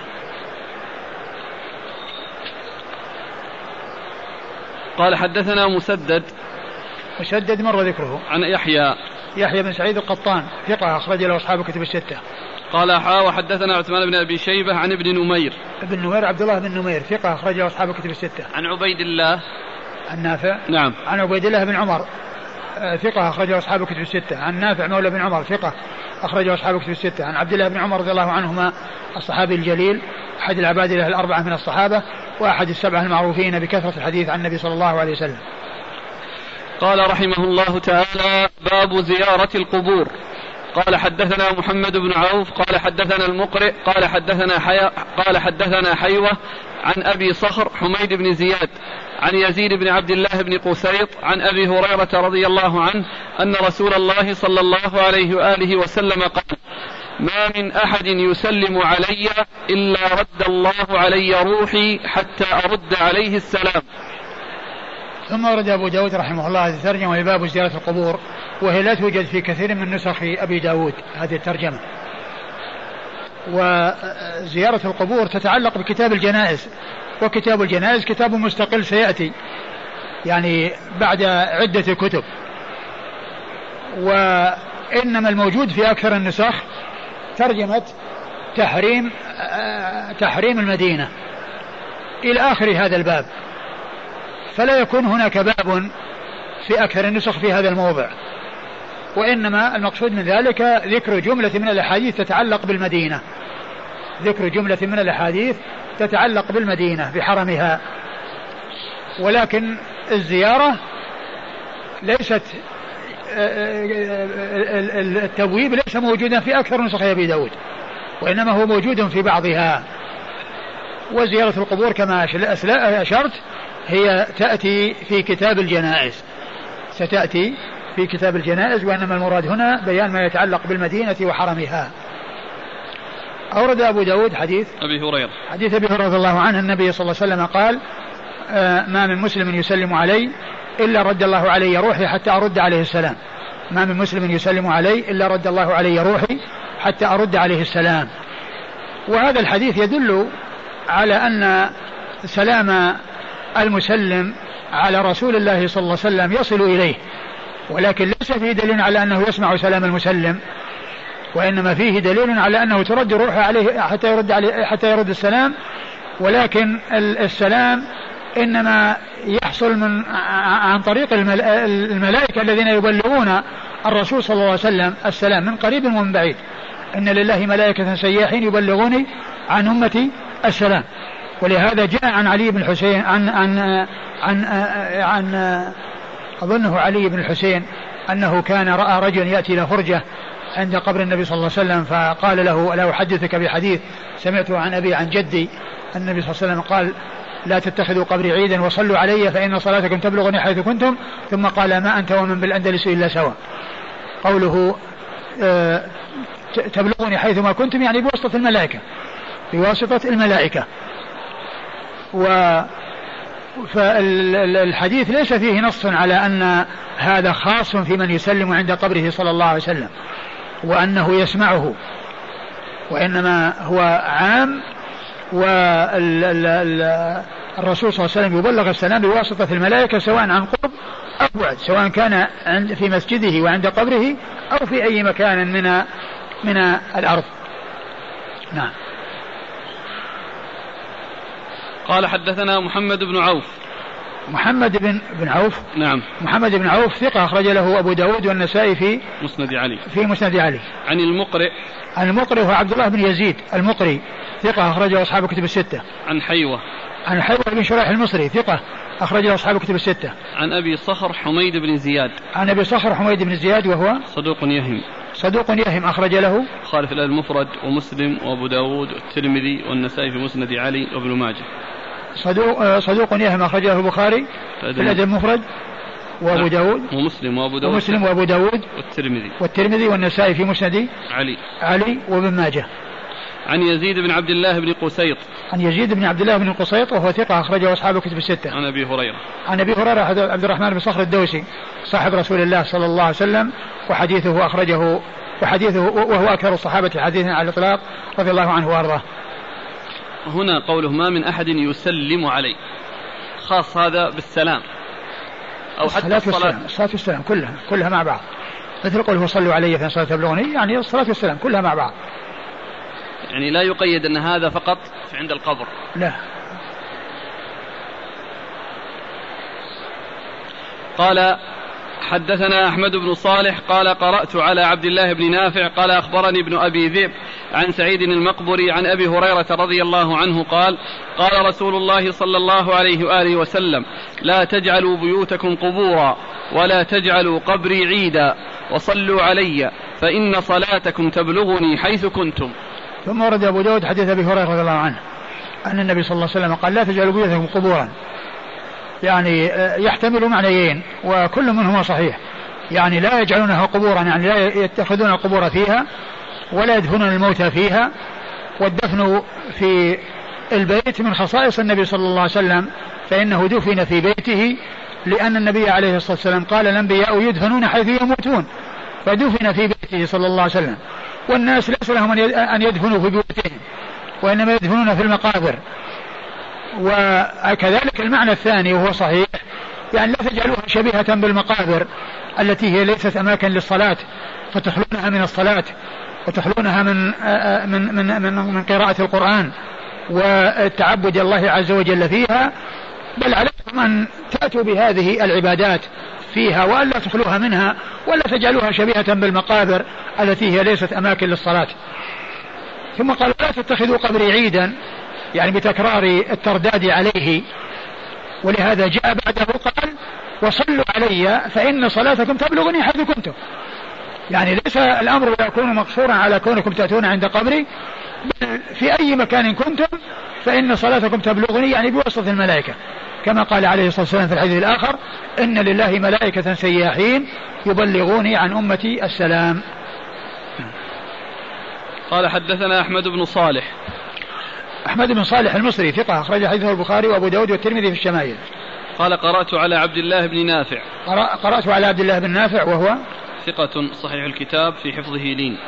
ثقة صحيح الكتاب في حفظه لين أخرج حديثه أصحاب الكتب. البخاري في المفرد ومسلم وأصحاب السنن البخاري في الأدب المفرد ومسلم وأصحاب السنن عن ابن أبي ذئب عن سعيد المقبري. عن ابن أبي ذئب مر ذكره سعيد بن أبي سعيد المقبري وهو ثقة أخرج له أصحاب الكتب الستة. عن أبي هريرة. عن أبي هريرة وقد مر ذكره.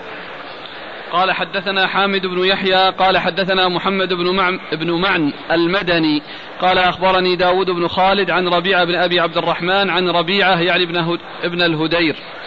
قال ما سمعت طلحة بن عبيد الله رضي الله عنه يحدث عن رسول الله صلى الله عليه وآله وسلم حديثا قط غير حديث واحد.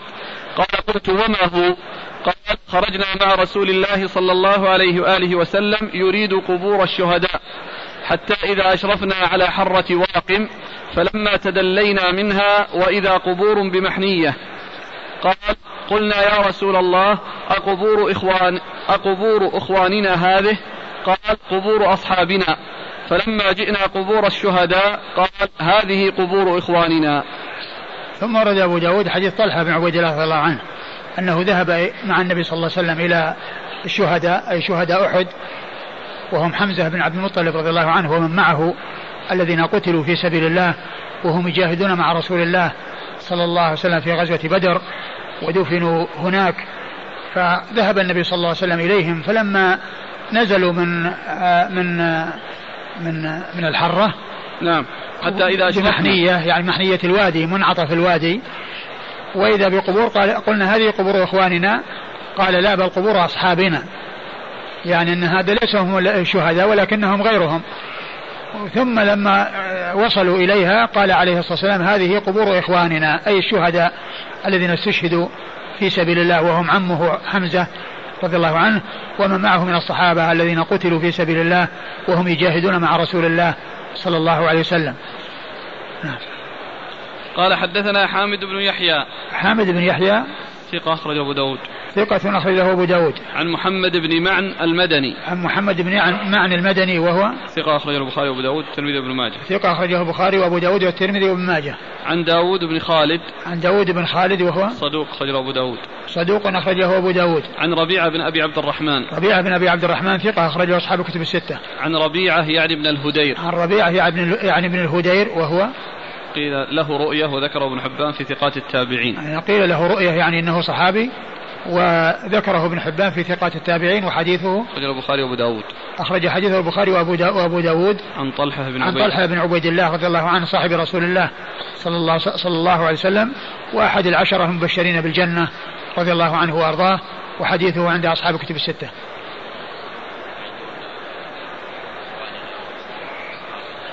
أصحابنا المقصود هم الذين هم يعني غير الشهداء. وإخوانه هم الشهداء اللي كانوا ذهبوا من أجلهم وكانوا قصدوهم وذهبوا إليهم. يعني هؤلاء هم الذين عبر عنهم النبي صلى الله عليه وسلم بإخواننا. وأما قال هؤلاء أصحابنا. ثم الحديث يدل على قصد الشهداء والذهاب إليهم وزيارتهم والدعاء لهم.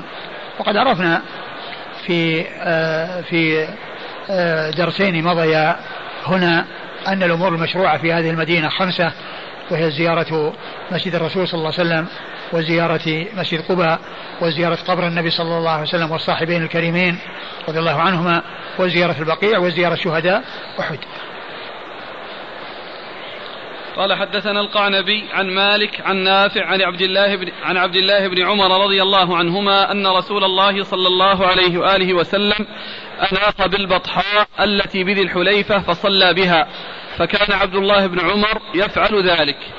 ثم ورد أبو داود حديث ابن عمر. ابن عمر. حديث ابن عمر أن النبي صلى الله عليه وسلم اناخ بالبطحاء التي بذي الحليفة و وصلى بها. وصلى بها. وكان النبي صلى الله عليه وسلم يفعل ذلك. كان عبد الله. وكان عبد الله بن عمر رضي الله عنه يفعل ذلك. والمقصود من ذلك أنه يعني عند رجوعه من مكة كان ينزل بالبطحة هذه ويبيت بها ويصلي الفجر ثم يأتي ضحى صلى الله عليه وسلم فيدخل مدينة ضحى لا يدخلها ليلا ولا يطرق ليلا وإنما يعني يبيت وهو الذي يقال له المعرس. وسبق أن مر بنا حديث يتعلق بهذا في في باب دخول مكة. يعني كان جاء هكذا عرضا وهو ليس له دخل في دخول مكة وإنما يتعلق بالمعرس وأن النبي صلى الله عليه وسلم كان يخرج من من من من, من الشجرة عند خروجه حيث يحرم وبعد ذلك يأتي وينزل بالمعرس. حديث يعني سبق أن مر بنا في باب دخول مكة. والمقصود هو هو الذي يدل عليه هذا الحديث.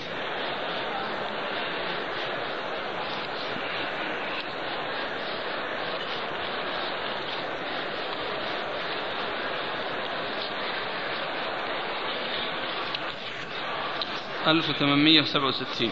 أي نعم إيش لفظه؟ عن عن عبد الله بن عمر أن النبي صلى الله عليه وسلم كان يخرج من طريق الشجرة ويدخل من طريق المعرس. نعم. يعني إذا خرج من المدينة إلى مكة من طريق الشجرة يعني من المسجد. وإذا دخل يعني عندما يرجع إليها من طريق المعرس وهو مكان في الوادي. قيل إنه أقرب من من من مسجد الشجرة. أقرب من ذي الحليفة أقرب من الميقات. نعم.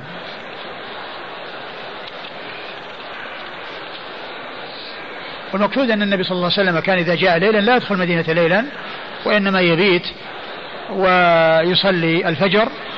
وفي الضحى يدخل صلى الله عليه وسلم إلى المدينة قال حدثنا القعنبي القعنبي هو عبد الله بن مسلمة بن قعنب القعنبي ثقة أخرج له أصحاب كتب الستة إلا ابن ماجه عن مالك عن مالك بن أنس إمام دار الهجرة المحدث الفقيه الإمام المشهور أحد أصحاب المذاهب الأربعة المشهورة من مذاهب أهل السنة وحديث اخرج أصحاب الكتب الستة. عن نافع عن ابن عمر. عن نافع عن ابن عمر وقد مر ذكرهما.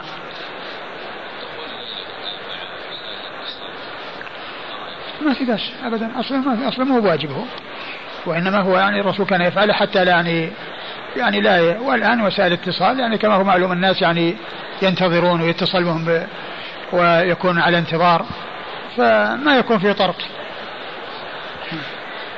قال حدثنا القعنبي قال قال مالك لا ينبغي لأحد أن يجاوز المعرس إذا قفل راجعا إلى المدينة حتى يصلي فيه فيها ما بدا له لأنه بلغني أن رسول الله صلى الله عليه وآله وسلم عرس به.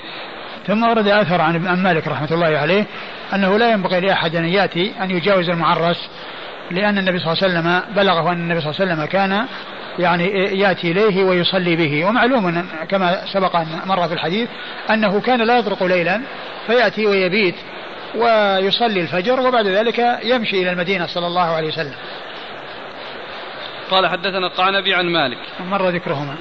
قال أبو داود سمعت محمد بن إسحاق المدني قال المعرس على ستة أميال من المدينة. يعني وهذا أثر فيه بيان المعرس ومقدار المسافة بينه وبين المدينة وأنه على ستة أميال.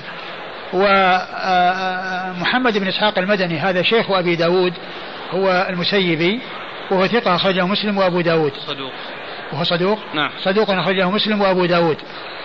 والمشهور بهذا الاسم هو محمد بن إسحاق بن يسار صاحب المغازي الذي يأتي ذكره كثيرا آه، والذي هو صدوق أخرجه البخاري تعليقا ومسلم وأصحاب السنن. ولكن هذا المقصود به شيخه المسيبي وهو صدوق أخرجه مسلم وأبو داود. والله تعالى أعلم وصلى الله وسلم وبارك على عبده ورسوله نبينا محمد وعلى آله وأصحابه أجمعين.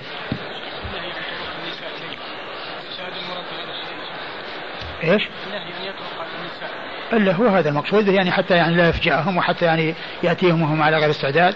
وأما الآن يعني مع الاتصالات يعني يعرفون يعني يعني يتابعونه يعني خطوة خطوة يعرفون إنه وصل المكان الفلاني وأنه يعني بعد كذا وأنه في الطريق وأنه عند الباب. جزاكم الله خيرا وبارك الله فيكم ونفعنا الله بما قلتم. سبق أن طلبتم إذا أحد وقف على دخول النبي صلى الله عليه وسلم الكعبة هل كان في الحج؟ أيه. الأخ صبحي جزاه الله خير أتى بزاد المعاد. أيوة. قد تكلم ابن القيم عن هذه المسألة. ماذا فإن شئتم. قال في الجزء الثاني صفحة 296 قال فأما المسألة الأولى فزعم كثير من الفقهاء وغيرهم أنه دخل البيت في حجته. ويرى كثير من الناس أن دخول البيت من سنن الحج اقتداء بالنبي صلى الله عليه وآله وسلم. والذي تدل عليه سنته أنه لم يدخل البيت في حجته ولا في عمرته وإنما دخله عام الفتح. ففي الصحيحين عن ابن عمر قال دخل رسول الله صلى الله عليه وآله وسلم يوم فتح مكة على ناقة لأسامة حتى أناخ بفناء الكعبة فدعا عثمان بن طلحة بالمفتاح فجاءه به ففتح فدخل النبي صلى الله عليه وآله وسلم وأسامة وبلال وعثمان بن طلحة فأجافوا عليهم الباب مليا ثم فتحوه. قال عبد الله فبادرت الناس فوجدت بلالا على الباب فقلت أين صلى رسول الله صلى الله عليه وآله وسلم؟ قال بين العمودين المقدمين. قال ونسيت أن أسأله كم صلى. وفي صحيح البخاري عن ابن عباس أن رسول الله صلى الله عليه وآله وسلم لما قدم مكة أبى أن يدخل البيت وفيه الآلهة. قال وفي صحيح البخاري عن ابن عباس. نعم. أن رسول الله صلى الله عليه وسلم لما قدم مكة أبى أن يدخل البيت وفيه الآلهة. قال فأمر بها فأخرجت. أمر ف... بها. ها؟ فأمر بها. فأمر بها فأخرجت. فأخرجوا صورة إبراهيم وإسماعيل في أيديهما الأزلام. فقال رسول الله صلى الله عليه وآله وسلم قاتلهم الله. أما والله لقد علموا أنهما لم يستقسما بها قط. قال فدخل البيت فكبر في نواحيه ولم يصل فيه. فقيل كان ذلك دخولين. صلى في أحدهما ولم يصلي في الآخر. وهذه طريقة ضعفاء النقد. كلما رأى كلما رأوا اختلاف لفظ جعلوه قصة أخرى كما جعلوا الإسراء مرارا لاختلاف ألفاظه وجعلوا اشتراءه من جابر بعيره مرارا لاختلاف ألفاظه وجعلوا طواف الوداع مرتين لاختلاف سياقه ونظائر ذلك.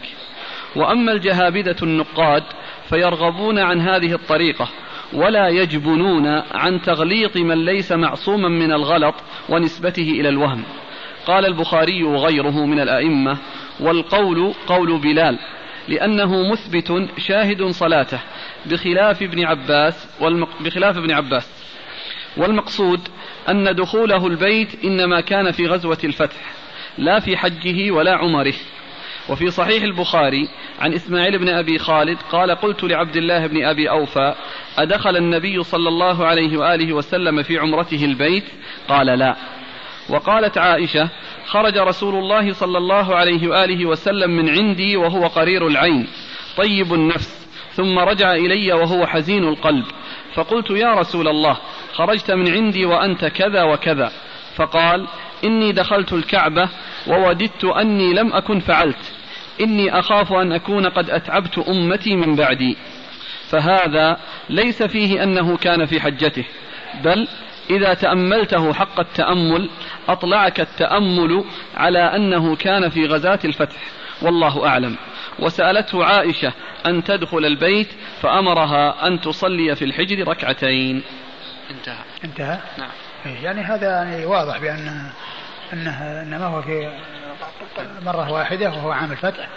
وسبق أن ذكرت أن بعض أهل العلم قال أن أن أسامة يعني مثبت وأن ابن عباس يعني إذا كان دخل فإنه يكون يعني قد انشغل يعني كبر مع النبي صلى الله عليه وسلم في نواحي البيت وانشغله بالتكبير والدعاء ثم النبي صلى الله عليه وسلم صلى يعني في يعني في المكان ولا سيما والباب مغلق يعني ف يعني ليس بهناك وضوح.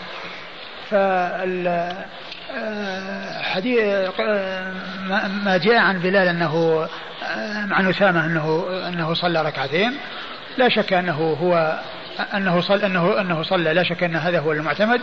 وما جاء عن غيره إنما يدل على على حسب علمه يعني عن ابن عباس. ويمكن يكون كما قال بعض العلم أنه انشغل يعني بالذكر والدعاء. والتكبير والتهليل وأن أنه لم يطلع على ما اطلع عليه غيره والمثبت مقدم على النافي. والله تعالى أعلم. حفظك الله شاب في مقتبل عمره وهو يعمل الآن في هذه البلاد. وقد غادر بلده وأهله وهم غير راضين عنه. والآن يقول الأبواب كلها مغلقة في وجهي. فهل صحيح يا شيخ إن رضا الوالدين ضروري من أجل توفيقي وماذا أفعل حتى يرضوا عني؟ وجهوني جزاكم الله خيرا. الإنسان يحرص على إرضاء الوالدين لأن الوالدين حقهما كبير والله تعالى أوصى بحقهما وبالإحسان إليهما وقرن ذلك بالأمر بعبادته. قال وقضى ربك ألا تعبدوا إلا إياه وبوالدين إحسانا. واعبدوا الله ولا تشركوا به شيئا وبوالدين إحسانا فحق الوالدين عظيم. الإنسان يحرص على رضا رضاهما وعلى الإحسان إليهما والعطف عليهما وعلى تطيب خاطرهما. كل ذلك على الولد للوالد لأن الوالد هو الذي كان سبب وجود الإنسان. جعله الله سببا في وجود الإنسان. وهو الذي رباه وهو الذي نشأه وهو الذي أحسن إليه حتى بلغ مبلغ الرجال. فمن حقه عليه أن يكافئه الجميل بالجميل والإحسان بالإحسان ولا يقابل الحسنة بالسيئة يأتي يأتي بسيئة تقابلها وإنما يأتي بحسنة. والله, والله تعالى يقول هل جزاء الإحسان إلا الإحسان؟ فمن أحسن يحسن إليه ومن من جاز بالمعروف يرد عليه المعروف ويجازى بالمعروف. وسفرك إذا كان آه، حصل كالسفر من أجل تبحث عن الرزق وأنك ما وجدت يعني شيئا في بلدك فأنت معذور. ولكن كان ينبغي لك أن تطيب خاطر والديك أولا باستئذانهما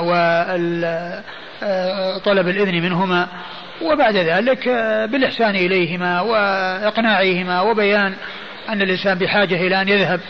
لتحصيل الرزق. بسم الله.